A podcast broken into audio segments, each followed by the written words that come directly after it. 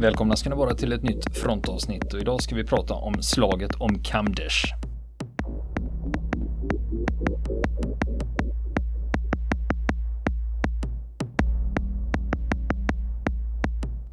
Och nu fortsätter vi prata om slaget om Kamdesh. Eh, klockan 17 då rapporterar Keating att det fortfarande finns fientliga styrkor inne på basen. De har alltså inte lyckats säkra basen ännu. Och de har alltså lyckats trycka tillbaka delar av fienden men de har inte lyckats trycka ut dem helt. Va?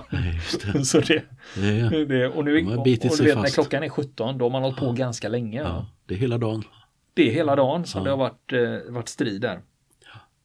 Och QRFen som är på väg dit, liksom, ja, kavalleriet kanske man skulle Ja, säga, det. som ska rädda kavalleriet i det här fallet, för det är ju, de är ju från ett kavalleriregemente de som Just sitter där. det. Just det. Men QRFen de tar sig till en, till en höjd för att få en bättre position i striden. Men det gör att de inte rör sig mot Keating och nu börjar det bli mörkt. Och eh, klockan 18 så hamnar de återigen i strid Ja. med fiender. Så klockan är 18 och de har fortfarande inte lyckats ta sig fram. Men de fortsätter ändå att röra sig och mala på framåt ner mot Keating. Och efter 13 timmar då kommer QRFens två plutoner till Keating. Och då är klockan 19. Mm. Och när jag säger efter 13 timmar, det var ju sen eh, striderna började. Just det. Då kommer, eh, Då kommer undsättningen. då kommer undsättningen. Och de kommer till Keating klockan 19 och då börjar de rensa inne på området då för att säkra upp det. De hjälper också till med att sätta upp en, eh, en landningsplats för att evakuera skadade.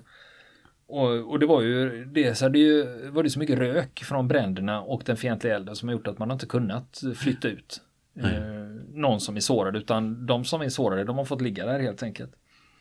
Och det är vid den här tidpunkten man brukar säga att liksom, nu avslutas slaget. Och det var 13 timmar då Mm. som man höll på med det här. Men nu är det ju så att eh, dagen är ju inte slut. Precis. och det är först nu då, när, det är nu man kan börja med medevacs och börja flyga ut sårade. Mm. Och det håller man på med och det är 16 timmar efter attacken då. Efter, det pågår, de här medevexen, eh, helikoptrarna som flyger in och lyfter ut sårade, det pågår under tre timmar. Eh, och Mace som de räddade från Hamvin där, eh, han överlever inte där utan han dör på Bostik sen eh, av sina skador då. Och om man då ska se resultatet av den här dagen, vad det blev. Det är åtta stupade amerikanska soldater, 27 sårade. Och det är alltså av 53 stycken var de. Shit. Så då inser man att de flesta, det har gått ganska hårt åt de flesta. Sen fyra stupade Ana och eh, nio sårade Ana också. Och alla sex fordon på basen är förstörda, plus byggnaderna. Det enda som är kvar är sjukstugan. Och eh, för AAF då, alltså de som anföll, hur gick det för dem? Ja, det vet man ju inte riktigt eftersom de tar ju med sig sina sårade och stupade. Så att eh, man uppskattar det till att de har 60 till 80 stupade och eh, 40 till 70 sårade. Och sen är det ju samma sak när du då lägger eh, haubitseld Ja. och den typen av flygunderstöd. Så kan det vara svårt att hitta något Just det. och räkna Precis. efteråt. Då. Men vad blir resultatet av slaget om man då ska se det eh, ur ett mer eh, taktiskt eller strategiskt perspektiv? Ja, den långsiktiga effekten var att Keating övergavs. Två dagar senare evakuerar man basen. Eh, Det var ju, och då var det ju de soldaterna som var där under striden den 3 oktober. De var ju kvar där två dagar till. Just det. Ja, de evakuerar den 5 oktober och den 6 oktober då bombar man basen med ett B1 bombplan. Och liksom jämnar det med marken helt och hållet. Och det gör man för att förhindra att fienden ska få tag på ammunition eller utrustning eller att man ska kunna använda den här basen på något sätt. Och även uppe i Frisch, uppe på höjden, det är samma öde, att den bo- flygbombas då. Mm. Och nu är det ju så att eh, när eh, styrkor som har varit i strid, de skriver en after action report, där de själva skriver om det. vad det är som har hänt. Och de är ofta intressanta att ta del av. Ja. För där skriver de soldaterna som var med inne på Keating, de skriver att fienden i början siktade in sig på generatorerna och fordonen och de började inte anfalla till fots förrän de hade eldövertaget. Och det är ju logiskt. Precis. Och de fick eldövertaget genom att använda mängder med RPG. För när det exploderar överallt, då är man inte så sugen på att sticka ut näsan. Just det. Och de skriver också att fienden hade under tidigare mindre anfall kartlagt vårt beteende. Alltså om vi blir utsatta för eld, genom vilka dörrar kommer vi ut ur byggnaderna? Och de hade dragit slutsatsen av vad soldaterna tog sig ur byggnaderna och täckte de här dörrarna med kulsprutor eller med prickskytteeld. Mm. Och minst två amerikanska soldater stupa precis när de kom ut ur byggnaden på grund av det här. Så det var ju liksom, de hade varit där och testkört innan. Ja, liksom, om vi skjuter ett magasin, vad händer då? Just det. Och så liksom lagt ett pussel. Ja just det, men då gör de så och då sticker de dit och då gör vi så. Så liksom att det var ju inte det här, det här var ju planerat sedan flera månader tillbaka. Det. det här anfallet. Och sen soldaterna som var på Keating. Vad tycker de om skyddet av basen? Jo, de har ju synpunkter på det där med taggtråden om basen då. Va? För trots att basen var omringad av taggtråd fanns det en plats där Ana brukar gå in och ut genom taggtråden. Och det var det, genom denna punkt i försvaret som 10-15 Ana stack under striden. Så de stack från basen. Och fienden utnyttjar den här svaga punkten för att bryta sig in där. Mm. Så antingen att de tidigare hade sett att Ana, de, de, de gick, Använder den för att sticka Ja, därifrån. de, de, de använde sig också av den här, in, den här, ja, nej, för den det här området, Mm. det här platsen där Ana gick in och ut genom taggtråden. För de gjorde det för ibland skulle de gå på latriner och ibland skulle de hämta ved. Så de hade det som en egen in och utgång eh, vid taggtråden där. Mm. Och det utnyttjar ju fienden då. Just det. Att eh, fan, de går ju in och ut där. Då är det klart vi kan Kan vi gå in där också? kan vi gå in där. Och, och sen hade de synpunkter, soldat, de amerikanska soldaterna hade också synpunkter på att infarten till basen, själva entrén, den var inte tillräckligt stark och den var för dåligt utformad. Eh, för, eh, de hade ju ett vakttorn där, men när det var beskjutning av det, så man höll soldaterna nere eller till och med att soldaterna evakuerade vakttornet, då var det bara liksom att promenera rätt in genom entrén. Och själva idén med den här infarten, skyddet bestod i att det fanns bemanning där med vakter. Och när det inte fanns någon, då var det liksom bara att gå rätt in. Sen hade man ju också i händelse av anfall placerat ut Claymore-minor. Och det är ju de vi i Sverige kallar för truppmina 12 eller numera försvarsladdning 21.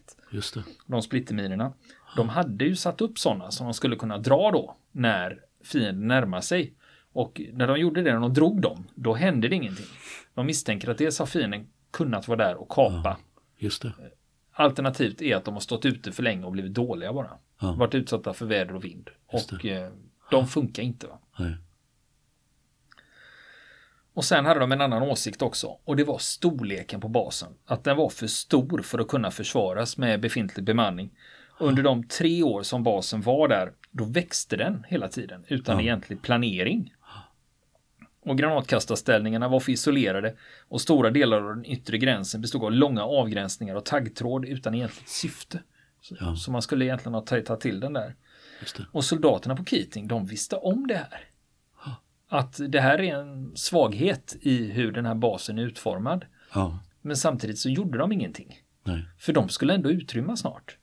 Det, det var ju det liksom att ni ska vara Ja. här tills vi, vi ska, Ja. den ska stängas och läggas ner. Va? Ja. Så de vidtog ju inga åtgärder i Nej, det här precis. arbetet. Det fanns då. inget incitament att göra den. Nej, nej. Utan, och de hade ju bara varit utsatta för lite sporadisk eld här och där. Liksom Ja. Utan några reella anfall. Och sen var det en annan sak med utformningen av basen på Keating. Det var att byggnaderna stod så tätt. Så att om ett, en byggnad fattade eld så Mm. spred det sig lätt till nästa byggnad. Ja. Det var också en svaghet. Men sen kan man ju vara lite Eh, ska den, I den här after action reporten då, då ska man också vara lite självkritisk och liksom, vad kunde vi gjort bättre då? Jo, eh, soldaterna på Keating, det var ju det att de visste ju om svårigheten att försvara basen och vilka svagheter som fanns. Men de tog inga initiativ att förbättra basen. Nej. Till exempel förbättra skydd eller skjutställningar. Eh, och det var ju att basen skulle ändå snart överges. Ja. Så det var ingen idé att liksom dra igång något. Va? Precis. Och alla andra beskjutningar hade skett på ganska långt håll så att de liksom hade aldrig varit i någon, de upplevde själva att de inte hade varit i någon riktig fara Nej, på det viset. Och hade de varit det då kanske de hade varit mer motiverade att just det. göra någonting förrän det blir allvar. Ja. Sen började de med en annan sak. Eh, de här kavallerisoldaterna. Det var att de, de, de började med att byta ut alla sina Claymore. För de hade ju inte funkat. Va? Just det. Och sen har de, hade de andra baser, andra sådana här combat outposts. Och där börjar man med att förstärka och byta ut eh, taggtråden. Ja. För att se att det inte blev som det blev här på Keating, att ANA då har egna in och utgångar. Utan att man faktiskt stärker upp det yttre skalskyddet då på basen. Och eh, det är klart att det finns flera som är intresserade av eh, hur kunde det bli så här då? Ja. Så det tillsätts faktiskt en utredning Ja. Av amerikanska militären. Eh, och den släpper man i juli 2011. Och där, eh, där pekar man ut om misstagen och vem som är ansvarig för dem. Och fyra officerare får reprimander. En kapten, en major, en överstelöjtnant och en överste. Men rapporten hyllar soldaterna på Keating och, och på Frisch för deras mod och för vad de har lyckats åstadkomma. Då. Och då blir det ju medaljer också Ja. eh, till soldaterna som var där. Eh, vi har 27 Purple Hearts. För det var ju 27 sårade amerikanska soldater. Tre Bronze Stars, 18 Bronze Stars med V för Valor. 9 Silver Stars. Varav en senare uppgraderas till Distinguished Service Cross. Eh, Ja, ja. Så det är ju inte, det är ingen dålig valör på de här medaljerna som delas ut. Men 2013, då är det ju fyra år efteråt, Ja. då delas faktiskt två Medal of Honor ut. Och det är ju den högsta amerikanska militära utmärkelsen du kan få. Och det är till Staff Sergeant Clinton Romesha och Staff Sergeant Chai Carter. Eh, För Romesha han hade ju varit med och rensat eh, och tryckt tillbaka fienden vid entrén och Ty Carter, eh, det var han som hade sprungit med ammunition hela tiden. Och han var ju också med i räddningen av Mace. När, de, när han sprang ut och Ja. mitt under eldgivning. På öppen yta så ger han honom ändå första hjälpen och släpar med honom till Hamvin. Ja. Och det är den insatsen då som man får en Medal of Honor. Ja, och eh, sen hade vi ju löjtnanten då, Banderman. Han får en Silver Star för hur han höll ihop det här. Eh, för risken är ju stor under en sån här grej att befälet bryter ihop. Ja. Alltså under den här enorma pressen. Jag Just menar det. när det bara kommer in stupade och sårade amerikanska blodiga soldater. Och du kan inte och du kan inte sticka ut näsan och liksom, du vet inte vad, du Nej. får inte igång granatkastarna och liksom strömmen har lagt ner. Va? Det är väldigt eh, stor press. Just det. Och han är inte ordinarie befäl över Nej. Keating heller, utan han får ju bara axla den här rollen. Just det. Och det gör han liksom med beröm då, enligt Ja. amerikanska militären. Att han löste det här, va? han höll huvudet kallt. Och liksom såg direkt att, ja men fan, det är, det är från Urmål, det är där den värsta elden kommer, det är dit vi styr luftunderstödet då liksom. Så att han, han var liksom Han med hade i matchen. överblick liksom ändå. Han, hade, han var med i matchen hela tiden då. Och det, de var ju omringade och risken är att han bara tänker så här, we're doomed och lägger av och stänger av helt. Men det gjorde han inte då. Och piloterna som eh, deltog i försvaret av Keating, de får också medaljer. För det var ganska mycket plan och helikoptrar under den här dagen. För det, om man håller på i 13 timmar, då Ja. hinner man flyga en hel del flyguppdrag. Just det. Eh, men sen har vi ju då Ty Carter eh, som fick sin Medal of Honor. Han har, efter det här har han gigantiska problem med PTSD. Ja. Och mycket av de här tankarna kretsar kring att Mace dog. Han gjorde det. ju allting för att försöka rädda honom. Ja. Och han har sökt hjälp för ångest och mardrömmar. Och han, det här problemet med PTSD, det är inget han har hållit hemligt utan han pratar öppet om det. Och ute utbildar och föreläser. Och till och med Obama har berömt hans mod eh, under ceremonin. Och, och under Medal of Honor-ceremonin. Och då är det också att han bedömer honom för hans kamp mot PTSD och liksom för att höja den allmänna kunskapen. Just det. Eh, och han är ute och utbildar och föreläser om det här då. Fast han vill att man ska sluta använda det. Ja. För han säger att det här är ingen disorder. Nej. Utan det här är en, en naturlig reaktion på extrema påfrestningar. Så han vill att det bara ska heta post-traumatic stress och inget annat. Och sen går det några år. Då skriver den andra Medal of Honor-mottagaren, den ena var ju Ty Carter, den andra var ju Romesha. Då skriver Romesha boken Red Platoon som handlar om just det här slaget. Så vill ni ve- veta alla detaljer om det här så kan man då få tag på hans bok Red Platoon och eh, läsa den. Och vill ni se lite mera eh, tv om det här så är det på Netflix. Då finns det en serie som heter Medal of Honor. Och de har två avsnitt som handlar om Keating. Det vill säga ett avsnitt om Romesha och ett om Ty Carter. Och i de här avsnitten som de har där finns det också en hel del videomaterial från AAF-styrkorna. För de filmade nämligen det här. Så att de har också släppt, fienden har också har släppt videomaterial från anfallet på basen som man kan Just titta det. på. Det är ju intressant. Mycket intressant. När det finns från fiendens håll så att säga. Men om man då ska dra någon slutsats av det här. Ja. Eh, det blev ju en seger för AAF i det här fallet.